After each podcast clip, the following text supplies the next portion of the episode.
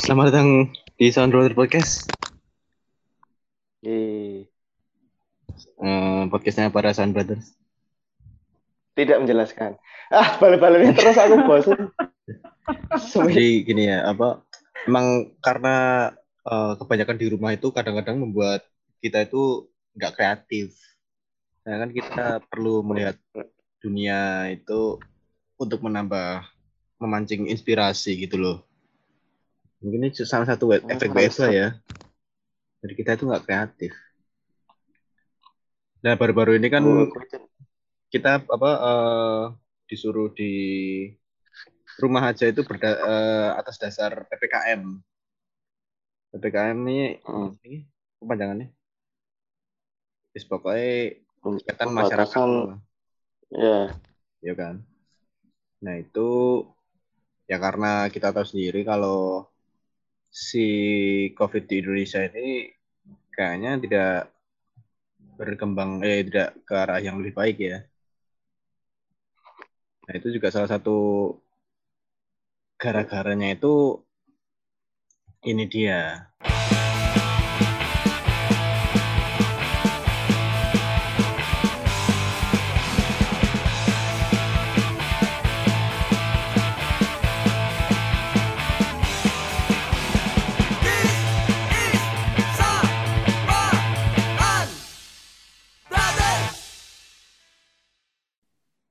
Nah itu. Nah di sini kita kedatangan teman kita yang eh, kita jadiin istilahnya teman anu lah ngobrol tentang hal ini karena dua teman kita ini berda- eh, dari latar belakangnya itu dari eh, kantor Pak Jokowi. Ya, jadi kita mau bertanya gimana tentang kebijakan Pak D Jokowi ini. kantor Pak Joko. Oh, nah, jebel tadi anu apa? Manajer harian nih Pak Jokowi. Staf sus milenial lagi. Oh iya. Ya kita perkenalkan dulu. Halo, selamat malam Inu sama Rida. Halo. Halo.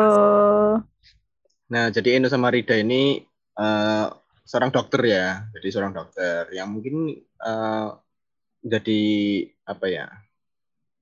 Ya, jadi sumber yang tepat lah buat menjelaskan si fenomena-fenomena di COVID-COVID inilah gitu. Nah, mungkin Iya. eh Besu ada yang anu sih. Soalnya Besu yang yang paling mengalami sih kayaknya ini. Saling mengalami apa, Mas? Yang paling dekat dengan fenomena ini. Soalnya Oh, Besu iya. pernah anu jadi alumni. Iya. Oh, saya alumni, penyintas. alumni. COVID. heeh. Saya penyintas Ah. COVID. Gitu. Dan eh, memang satu-satunya cara untuk membentuk herd immunity kan dua sebenarnya. Yang pertama kena langsung, yang kedua adalah vaksinasi. Tapi ternyata kena langsung pun ya tidak memberikan masalah karena variannya makin aneh-aneh. Bervariasi. nunggu varian mocha aja sama ayam ayam apa jenenge? Ayam Aceh apa variannya semakin banyak. Ya karena semakin banyak yang tertular ya jadi macam-macam. Nah yang paling efektif itu kan sebenarnya med- yang paling dekat itu adalah vaksinasi. Nah ini trivia aja. Jadi beberapa waktu yang lalu itu di Jogja itu perusahaan-perusahaan tuh banyak yang mendorong eh, karyawannya itu untuk vaksin untuk melakukan vaksin dan gratis di bawah eh, koordinasi dari Kadin atau Kamar Dagang Indonesia. Nah, masalahnya itu karyawan itu juga nggak semuanya mau divaksin. Padahal udah difasilitasi, dikasih eh, apa namanya, dikasih waktu libur karena KIPI dan Hmm. lain-lain. Gitu. Maka maksudnya perusahaan itu mengkhususkan kondisi-kondisi untuk vaksin. Bahkan boleh di boleh hari itu libur dan tetap dibayar gaji pokoknya dan lain-lain. Nah, masalahnya itu masih banyak yang nggak mau divaksin. Hmm. Mungkin sekitar range itu 300 orang satu perusahaan itu ada mungkin kalau dari misalnya satu perusahaan 2000 orang ya. Ada sekitar 300-an orang tuh nggak mau. Ya kecuali perusahaannya itu Gitu. yang yang 10 orang gitu. Itu Eh. sampai sampai. Orang nggak mau semua. Oh iya. Nah, itu ada beberapa kan aku sempat sempat ngobrol sama mereka-mereka ini yang sekiranya saat ini nggak mau divaksin. Saat ini ya nggak tahu ntar mereka akhirnya mau, tapi sampai detik ini masih nggak mau untuk vaksin. Itu ada macam-macam saya kumpulkan ada ada berapa poin ini? Ada 11 poin. Kenapa mereka tuh nggak mau? Gitu. Yang pertama ini, nah ini kan mumpung ada pakarnya uh, Mbak Rita Waduh, waduh, waduh. ini sebagai timbang daripada Mbak. ngono ya. Kan teman diskusi tapi kan lebih pakar yang lebih paham, kita. memang yang lebih kan, paham. ada. Oh. Ya, secara keilmuan, nek aku tanya ke Isar nanti jawabannya ke mana-mana masih. Iya, nek iki pasti. Gitu. Nah, iya makanya aku rata kok kue. Nah, makanya kalau aku tanya tentang desain rumah, nah itu tanya Isar. Ya, itu boleh. Gitu. Jadi di sini kita membiasakan untuk bertanya pada tempatnya, gitu. Nggak seperti Hmm. netizen-netizen itu. Tanya vaksin ke musisi. musisi Nah, Mm-mm, musisi. terus dokter dokter Tom betul. terus dokter Tompi sambat lho. Lah terus aku piye? Oh iya, kan beda yang kui. Tapi kan dia Dan Najwa Shihab dokter apa kulit. sing nyindir dokter kulit tapi. Apa ya? Bedah Ya, plastik iya. sih. Oh, Iya sih. Tapi kan eh ini kok gede kulit rasanya. La- Lagi sak statementnya salah. Ayo, tapi kan ngurusi kulit toh. Ya pasti dokter kulit Ya lah. sih, tapi kan orang Ya benar juga sih. Iya. bisa bisa masuk lah. Iya, iya. Oke, ini ini mau eh, bertanya aku mewakili teman-temanku yang belum mau vaksin itu yang paling awal mungkin yang paling mudah ya. Itu takut disuntik. Tuh, jadi eh, mungkin kita nggak bisa ngetawain ya orang disuntik takut disuntik mosok alah ngomong kode mosok gue disuntik wedi. Nih.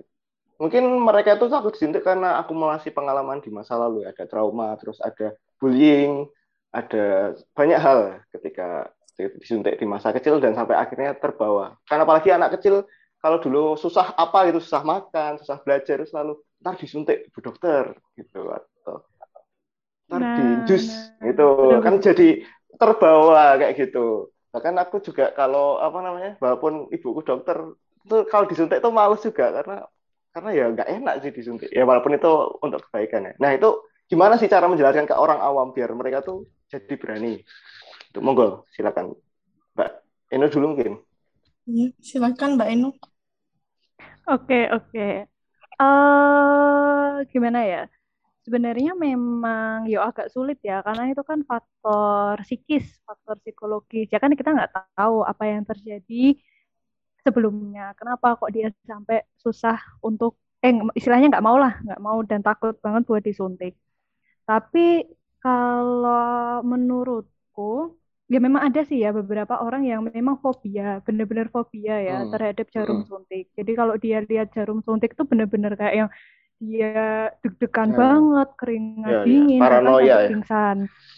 Oh iya. Ah, ah. Nah, kalau kayak gitu kan mungkin penanganannya beda ya, karena kayak gitu harus eh, istilahnya dia harus ngilangin fobianya. Pokoknya istilahnya pakai terapi lah gitu.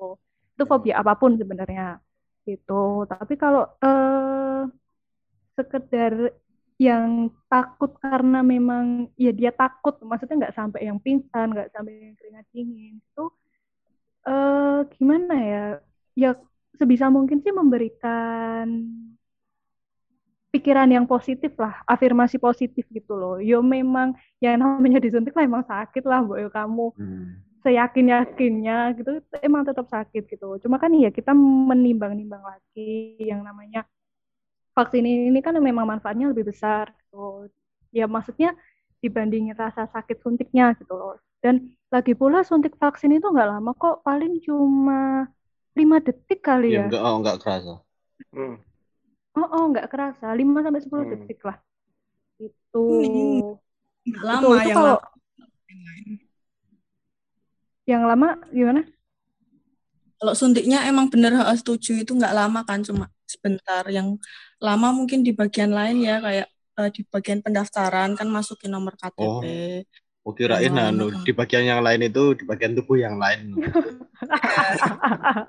Enggak kan tapi kan ada kan vaksin-vaksin yang yang apa kalau yang di bokong itu kan ada vaksin apa itu? Oh iya, yang itu ya. Eh, yang buat anak kecil, yang vaksin Ah, buat anak kecil. Ah. Oh Ya iya. ada kan. Yang habis divaksin terus Iya, iya, ditepok-tepok. Malah Iya benar-benar. Iya, bener, Bes. tepok iki. Masih dalam Iya, toh. vaksin, oh. Nambut tapi Masih ditepok. fungsinya apa ngerti. Ya ben mlebu ngono ya Esa. orang bener. bener. Hmm.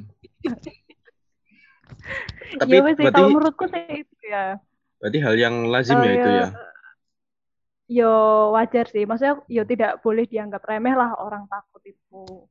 Hmm. Cuma yo menurutku ya tetap dipertimbangkan aja lah manfaat sama rasa takutnya itu sebanding apa enggak. Hmm.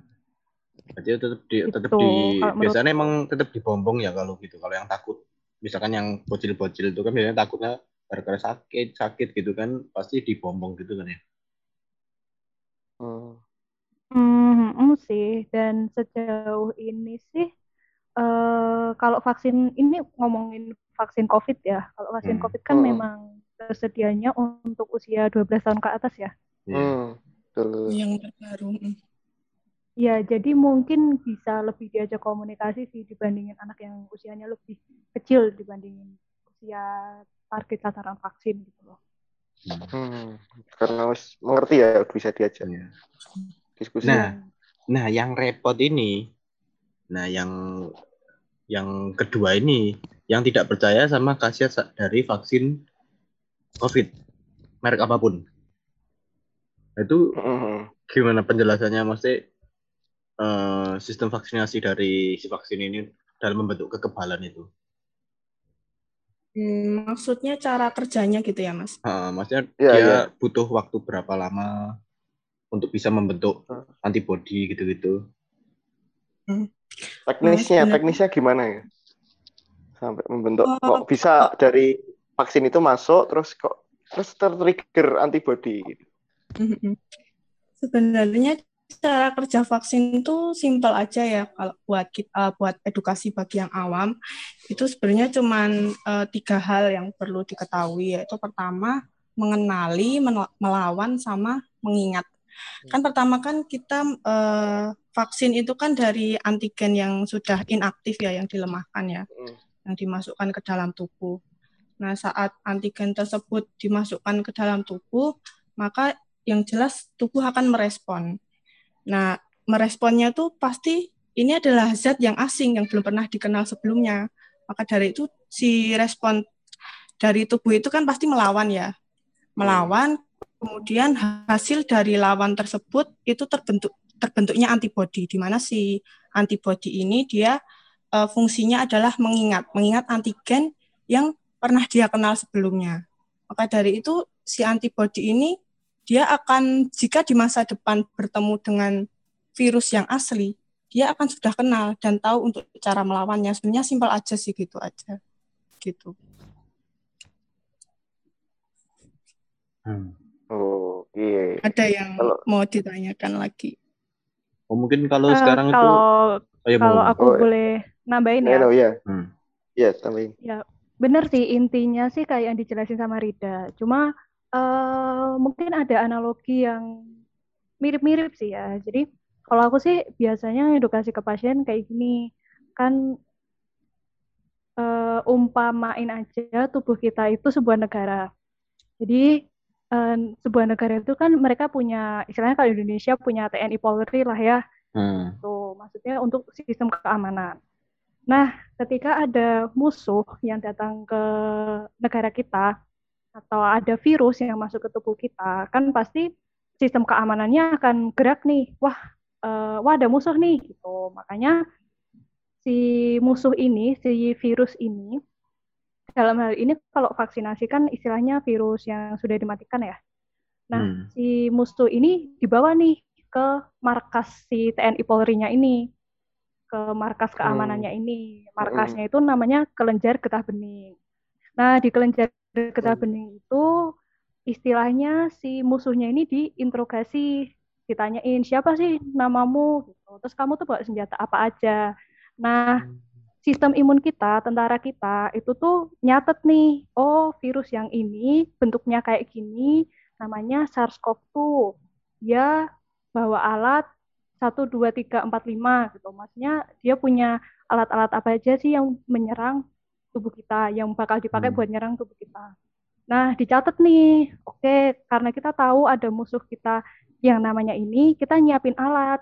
Kita nyiapin alat ya katakanlah hmm, mungkin bazooka Ya tamengnya lah ya, atau- tamengnya. Oh, oh, oh, oh, oh, oke siap-siap ya gitu. Jadi kita Hmm. udah nyatet nih kita punya musuh ini kalau ada yang datang kita udah punya alatnya gitu. Jadi suatu hari Hmm. nanti ketika ada SARS-CoV-2 beneran, musuh beneran, virus beneran yang masuk, kita udah punya peralatannya. Jadi tinggal nyerang. Gitu. Punya counternya lah ya. Tidak Punya Oh, counternya. itu kan Mm-mm, keuntungannya kalau udah divaksin. Coba bayangin kalau semisal kita baru terinfeksi pertama kali nih. Kita nggak tahu kan Iya. jumlah virus yang masuk itu berapa. Katakanlah jumlah virusnya banyak. Terus kita nggak punya persiapan peralatan. Ya ya bisa aja sistem imun kita yang kalah gitu. karena nggak kuat melawan Hmm. virusnya. Betul, betul. Itu bedanya orang yang tidak divaksinasi dan divaksinasi. Itu. Hmm. Ya, itu apa namanya? Benar-benar. dilatih gitu dulu ya En ya kayak apa Ah, sih iya. tentara latih dulu cara ngelawannya cara mengenalinya si musuh itu Mm-mm, mm-mm, benar. Itu kayak apa ya? Kayak ngasih simulasi gitu ya. Kalau kita mau mau uan itu ada tryout tryoutnya. Jadi kayaknya Iya benar benar benar. Imunisasi itu ngasih ngasih ya, imunisasi itu kayak GO gitu ngasih konsep the king terus ngasih tryout tryout. Aku eh, aku SSCI, aku SSCI. Oh, Oke, oke, rumusnya apa? Oke, oh. Rumusnya apa? Tapi GO saiki lo logone logone kurang saiki GO. Lah. GO jadi bangkrut. Oh iya. Wah, saya kurang meneh. Lah kan orang enek orang Iya UN toh. Oh iya. Iya juga. ini ya menang les-lesan online gak sih sekarang Oh, oh iya. Ruang guru. ya. Iya. Mm-mm. Padahal kayak lagi buka neng anu, neng jalan apa Adi Sucipto kayak cedak DPRD ini padahal. Saya ngerti kok beberapa bulan yang lalu. Oke, lanjut lanjut lanjut. Oh iya iya. Malah ngomong Apa? les-lesan. Nah, Malah kan efek efek utamanya efek utamanya si vaksin itu kan membentuk antibodi kita untuk melawan si COVID ini ya. Nah itu ada sebenarnya ada efek sampingnya nggak tuh dari si vaksin ini? Siapa kalau kalau apa kita nyebutnya itu apa kipi ya? Kejadian ikutan pasca imunisasi. Komunikasi. Nah itu kenapa seperti itu kenapa ada vaksin yang tidak rata-rata tidak merasakan kipi sama sekali, tapi ada satu tipe vaksin atau beberapa merek vaksin yang muncul kipinya bahkan cukup eh, lama. Dua tiga hari itu merasakan kipi. Itu kenapa dan bagaimana sih bisa kita dan itu apakah wajar atau enggak itu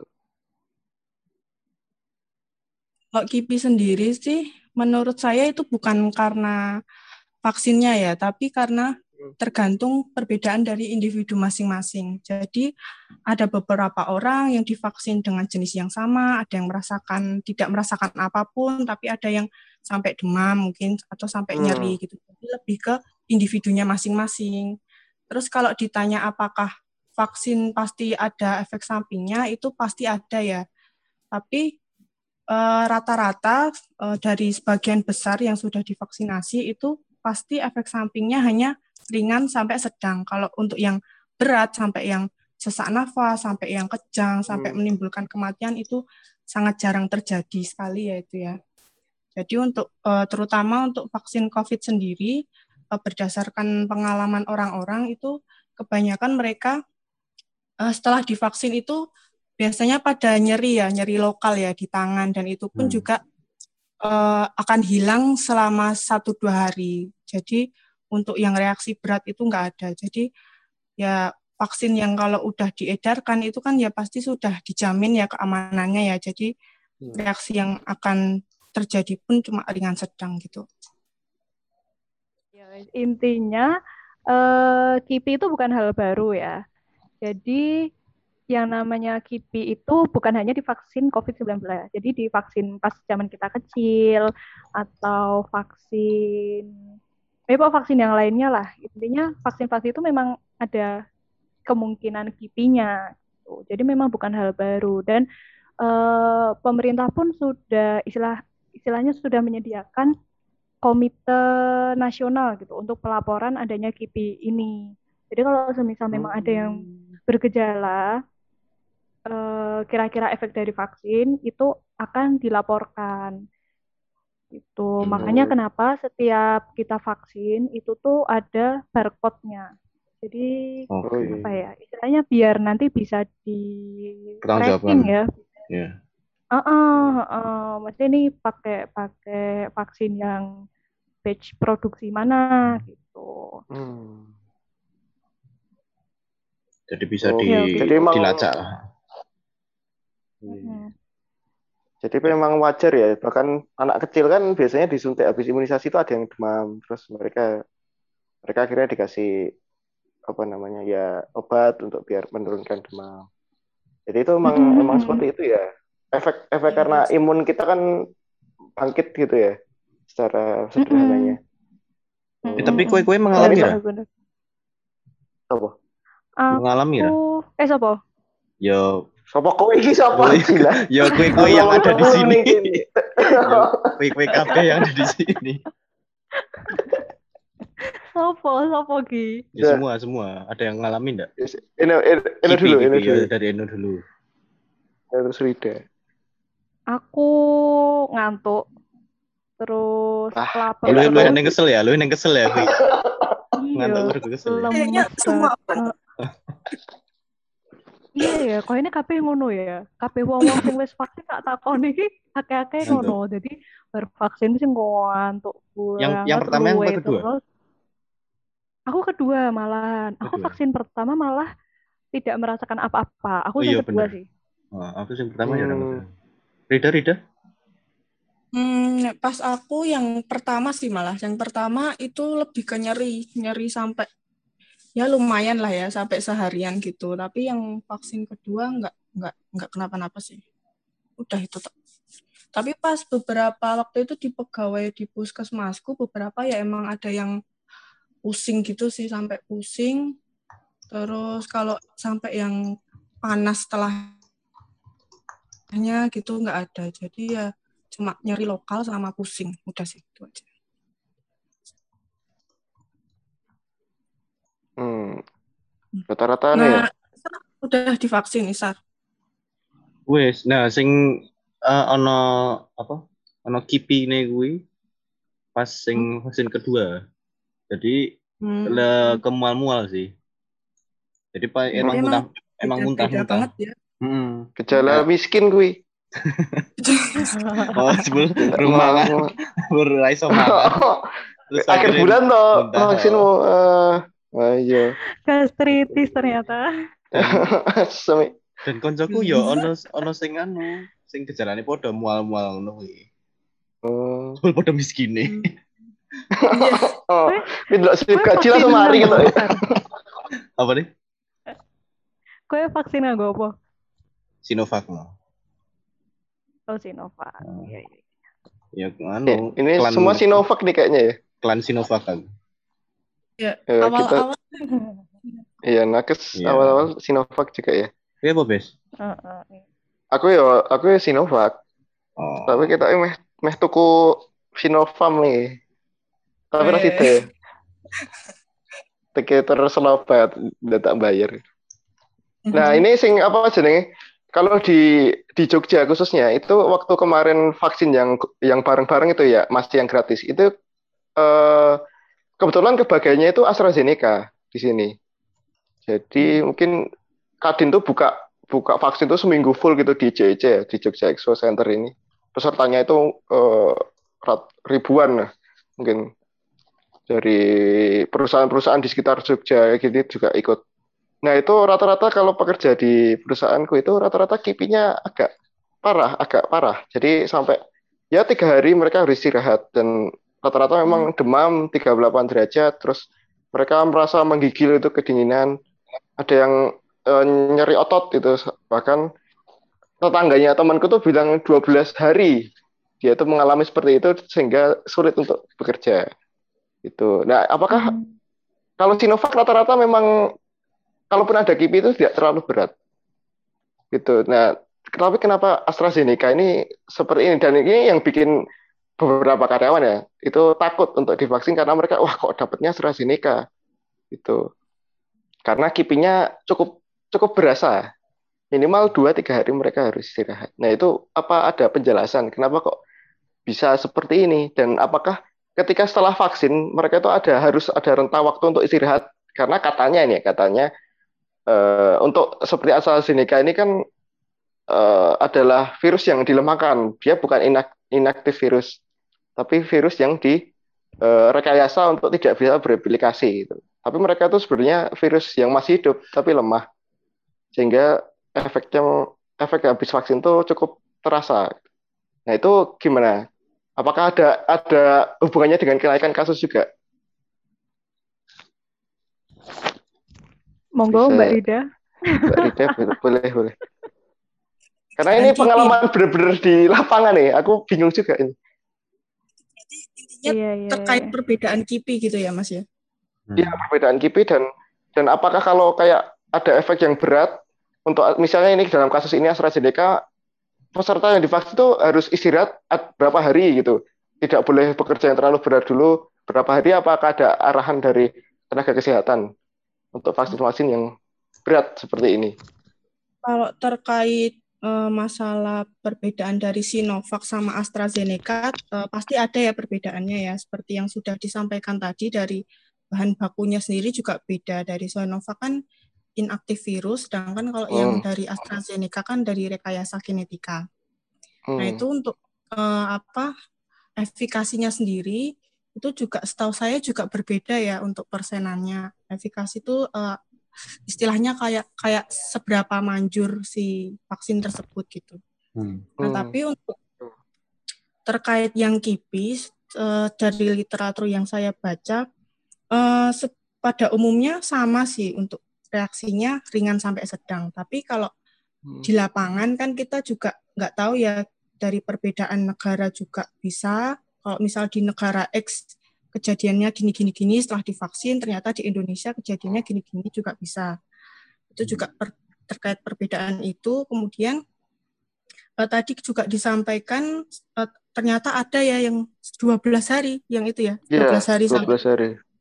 Nah, itu sebenarnya itu bisa dicari lagi sih apakah memang beliau itu sakitnya karena vaksinnya atau memang ada hal lain yang menumpangi gitu kan kita nggak tahu kan ya. Hmm. Karena memang vaksin dalam membentuk antibodi itu kan juga perlu waktu. Jadi nggak Hmm. langsung terbentuk. Jadi kita harus menunggu si vaksin biar optimal terbentuk antibodi. Jadi bisa bisa banget selama rentang setelah divaksin itu kita terinfeksi virus bisa, kemudian terinfeksi Hmm. hal yang lain itu juga bisa. Jadi harus dicari lagi ya mas penyebabnya tuh apa. Oh, iya. Lagian kalau vaksin kalau sudah diedarkan ke masyarakat itu kan pasti sudah melalui izin BPOM, izin.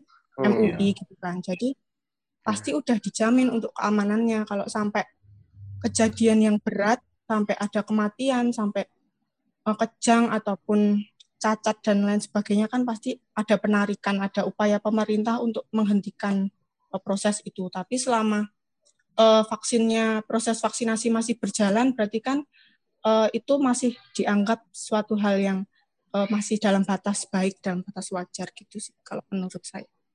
Oh. Dan itu kan bisa juga anu ya apa? Kalau nggak salah bisa istilahnya kalau ada apa-apa kan bi- bi- bilang gitu kan, lapor gitu-gitu kan ya. Ada eh, ada yang tadi yang dikatakan Eno kan juga ada yang istilahnya bertanggung jawab lah gitu, nggak Hmm. langsung dilepas. Hmm. Gitu. Iya, benar benar benar. Makanya kan eh, kalau kita ngamatin di kartu vaksin, kan kita habis vaksin kan dapat kartu. Nah, itu kan di bawah ada Hmm. nomor yang bisa kita hubungi kalau misal Oh. ada Oh, keluhan gitu. yang kita rasakan. Oh, Keren oh ya? kamu kan Oh. Lele Aku aku ada ora kaget. gages. Aku ora gages aku. Jadi, Ya, Nges terus- vaksin wisan. Enek, literasi rendah Aneh. Jadi di bawah kartu vaksin itu ada nomor yang bisa kita hubungin kalau Oh semisal iya. kita ada keluhan. Jadi nanti bisa istilahnya di diinvestigasi lebih lanjut. Ini karena vaksin atau karena penyebab yang lain. Nah, ini Gitu. penting teman-teman yang belum yang belum vaksin ini, penting. Jadi jadi kalau habis habis vaksin itu dapat kartu vaksin anu ya eh, bisa bisa cari di apa peduli lindungi ya. Yang uh, versi versi elektroniknya. Ya yang versi elektronik itu atau Loh, yang sing cetak ya tuh? Hmm, nek aku Tuh, sih tuh, tuh, di maksudku. Oh, Nek aku enggak sih enggak dapet sih. ora kan ya? Iya kan, maksudnya elektronik apa kan? Ora kan ya? misal dewe misal ada vaksin kan itu sing kartu kartu Oh, vaksinasi Oh, duduk yang sing peduli lindungi itu kan ya? sertifikat. Oh iya benar benar. Itu yang. Kartu, iya iya iya, kayak pas bayi ya lo. Oh, Hmm. aku railing, aku railing Oh, pas bayi, aku railing. aku rambut sih pas bayi aku apa? Ya nek duwe bayi, sorry, sorry. Anakku ento sih. soalnya. imunisasi bayi ini. Kandan ya. Oh jadi ada ya kalau di apa oh, kartu monitoring vaksin tuh ya? Mm-mm, mm-mm. Oh iya iya iya itu teman-teman bisa dilihat jangan malas membaca jadi jadi, isar. Oke, Eh. Terus eh, kalau Ya. menurutku ya, maksudnya ya sebagai upaya pencegahan juga sih. Maksudnya kalau sebelum kita vaksin kan ada yang namanya screening. Jadi nanti screening itu kita ditanya-tanyain kan, maksudnya dari riwayat penyakit apa, terus sekarang baru sakit atau enggak. Nah itu minta tolong dengan sangat, sangat, sangat minta tolong dijawab dengan jujur.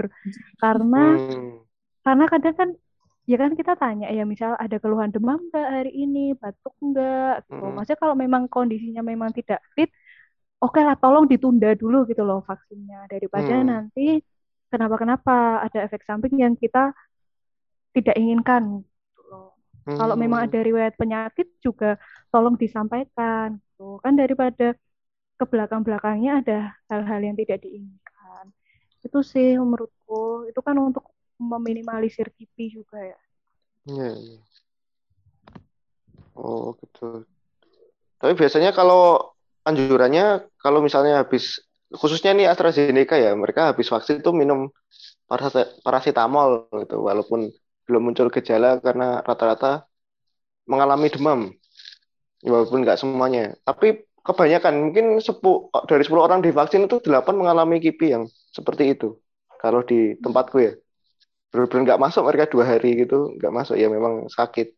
Hmm. yang paling keras satu nyeri nyeri di lengan yang disuntik itu mungkin ada yang sehari kemeng itu ada tapi ya pasti demam sama menggigil biasanya Ya, tapi itu masih dalam batas yang di ya, yang yang diperkirakan ya oleh tenaga kesehatan jadi monggo yang dapatnya AstraZeneca nggak nggak apa-apa oh iya miskin, sama aku tuh Wi. tanya miskin gur mau mau Oh iya. Nek demam ya ora. Kalau sama aku mau konfirmasi nih, aku pernah dapat ini graf grafik, nggak tahu nih orang orang ini dapat dari mana, dia screenshot grafik. Kalau setelah kita divaksin itu justru ada rentang waktu di mana imun kita itu menurun. Itu berapa hari gitu. Nah, itu bener gak sih? Dan itu tempatnya masuk malah jadi waktu yang rentan untuk penyakit itu masuk. Itu bener gak sih? Aku mau tanya ini karena nggak tahu, cuma dapat aja.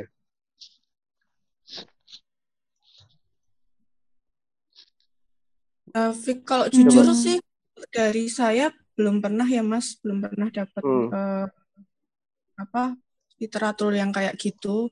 Tapi Hmm. memang itu tadi eh, vaksin dalam dia membentuk antibodi hingga sampai optimal itu pasti perlu waktu. Tapi kalau sampai Oke. dia malah Menurun. menurunkan imun sampai membuat dirinya sakit karena vaksin Hmm. itu saya rasa nggak nggak bener ya Mas.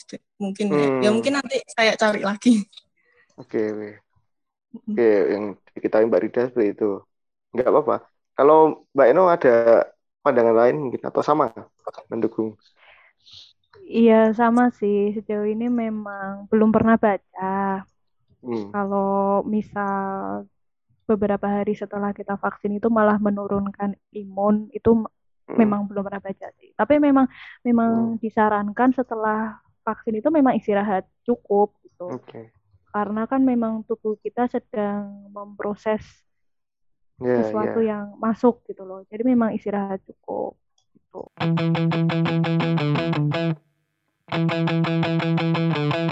Jadi langsung menjurus tadi ter- terkait eh, sebenarnya vaksin kan udah di stempel oleh BPM dan MUI, dua otoritas BPM dari segi kelayakan pakai, dari segi komposisi, secara teknisnya MUI dari sudut pandang eh, agama gitu, khususnya agama Islam. Nah, tapi orang-orang ini sempat meragukan juga karena yang diberitakan itu vaksin-vaksin ini diloloskan dengan stempel darurat. Jadi kalau misalnya ini nggak darurat, wah berarti mungkin nggak halal dong ini. Itu ada yang berkata seperti itu dan itu real. Pekerja saya ngomong seperti itu, aku rasa jawab gimana? Aku kan duduk MUI ya. Bingung juga mereka pakai fatwa apa, terus BUM juga ngecek metode apa kan aku nggak bisa menjelaskan. Nah mungkin kalau sedikit eh, tahu gitu dari dari Mbak Rida pun Mbak Eno itu menjelaskan dengan ke orang-orang seperti itu gimana? Apakah label darurat itu karena sebenarnya ini tuh nggak halal atau nggak layak, tapi karena adanya ini ya udahlah dipakai dulu gitu. Saya Mbak Eno dulu mungkin. Hmm, Mbak Rida dulu boleh Mbak Rida dulu. Boleh, boleh. Itu sih yang dibilang Mas Mario, bahkan eh, saya sendiri juga menjumpai ya Mas kayak beberapa orang tuh benar-benar nggak mau divaksin itu alasannya karena terkait halal haramnya ya. Oh, Jadi betul. banyak yang bilang kalau vaksin itu mengandung babi kan ya yang paling apa? Ya. Yang paling di masyarakat. Ya, betul. Nah, kalau dari literatur yang saya baca, kalau saya eh, kalau misal ditanya apakah produk vaksin mengandung babi, eh, saya akan jawab enggak. Tapi kalau Hmm. ditanya apakah dalam proses pembuatan vaksin itu mengandung sesuatu yang berhubungan dengan babi, saya saya jawab iya gitu. Jadi gini ya, eh, jangan jangan dibayangkan kalau membuat vaksin itu kayak obat buyar yang semua bahan dicampur, digerus, Iya. terus Oh, jadi obat gitu. Bukan ya. Hmm. Pembuatan vaksin Anu. itu lebih jauh. Vaksin Nusantara tuh. Nah, itu saya no comment. Waduh. Lah iso dipraktekin pas pas anu loh, pas Barista, lah, barista. Barista. Aku ragu kuwi dokter kecil jadi asli. Ya la- lanjut lanjut. Lanjut tadi.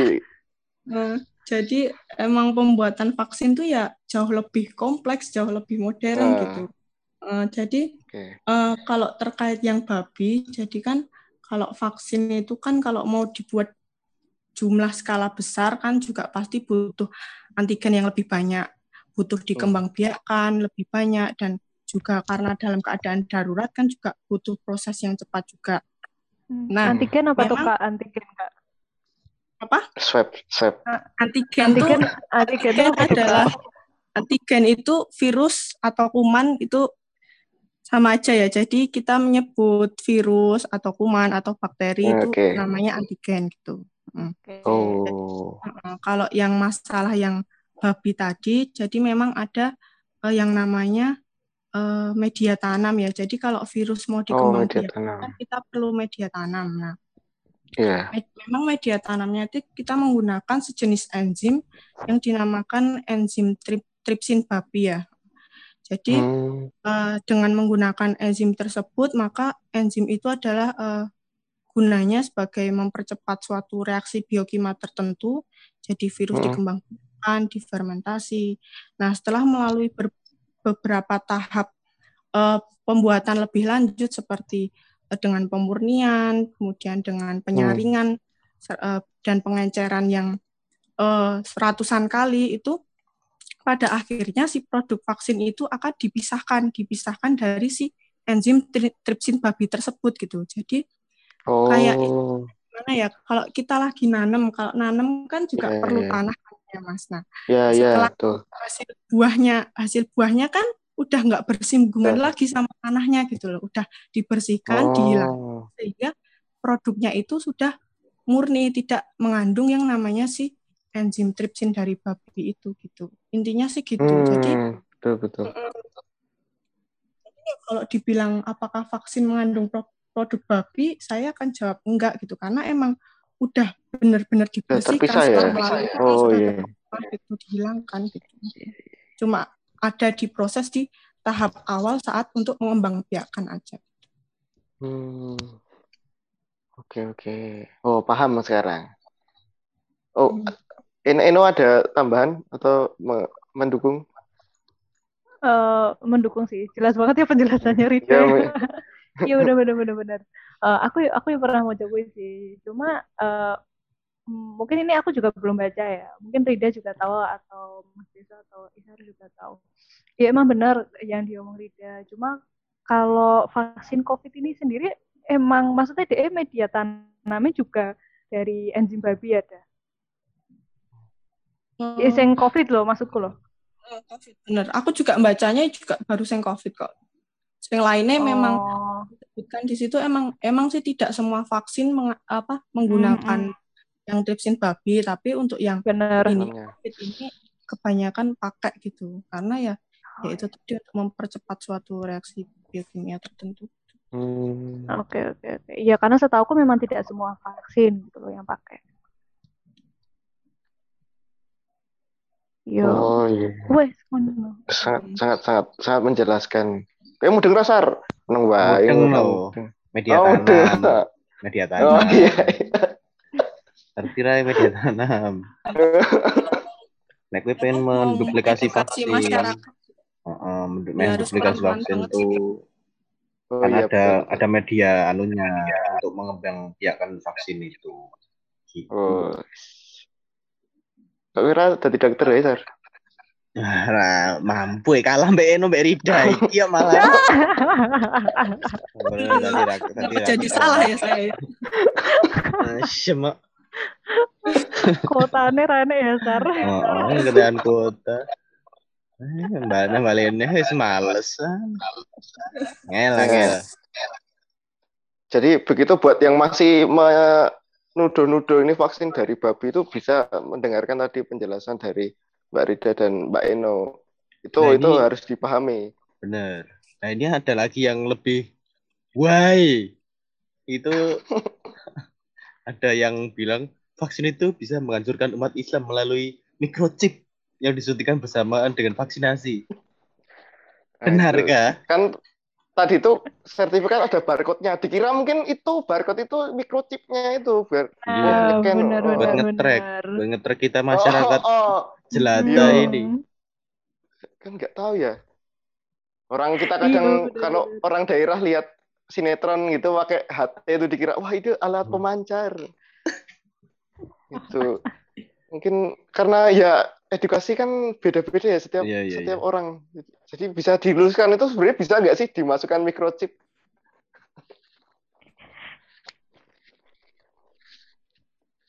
Kalau eh, microchip, kalau setahuku ya microchip itu tidak sekecil itu gitu loh. Maksudnya Hmm, meskipun yang Iya. namanya mikro, tapi ukurannya tuh tetap besar Iya. gitu.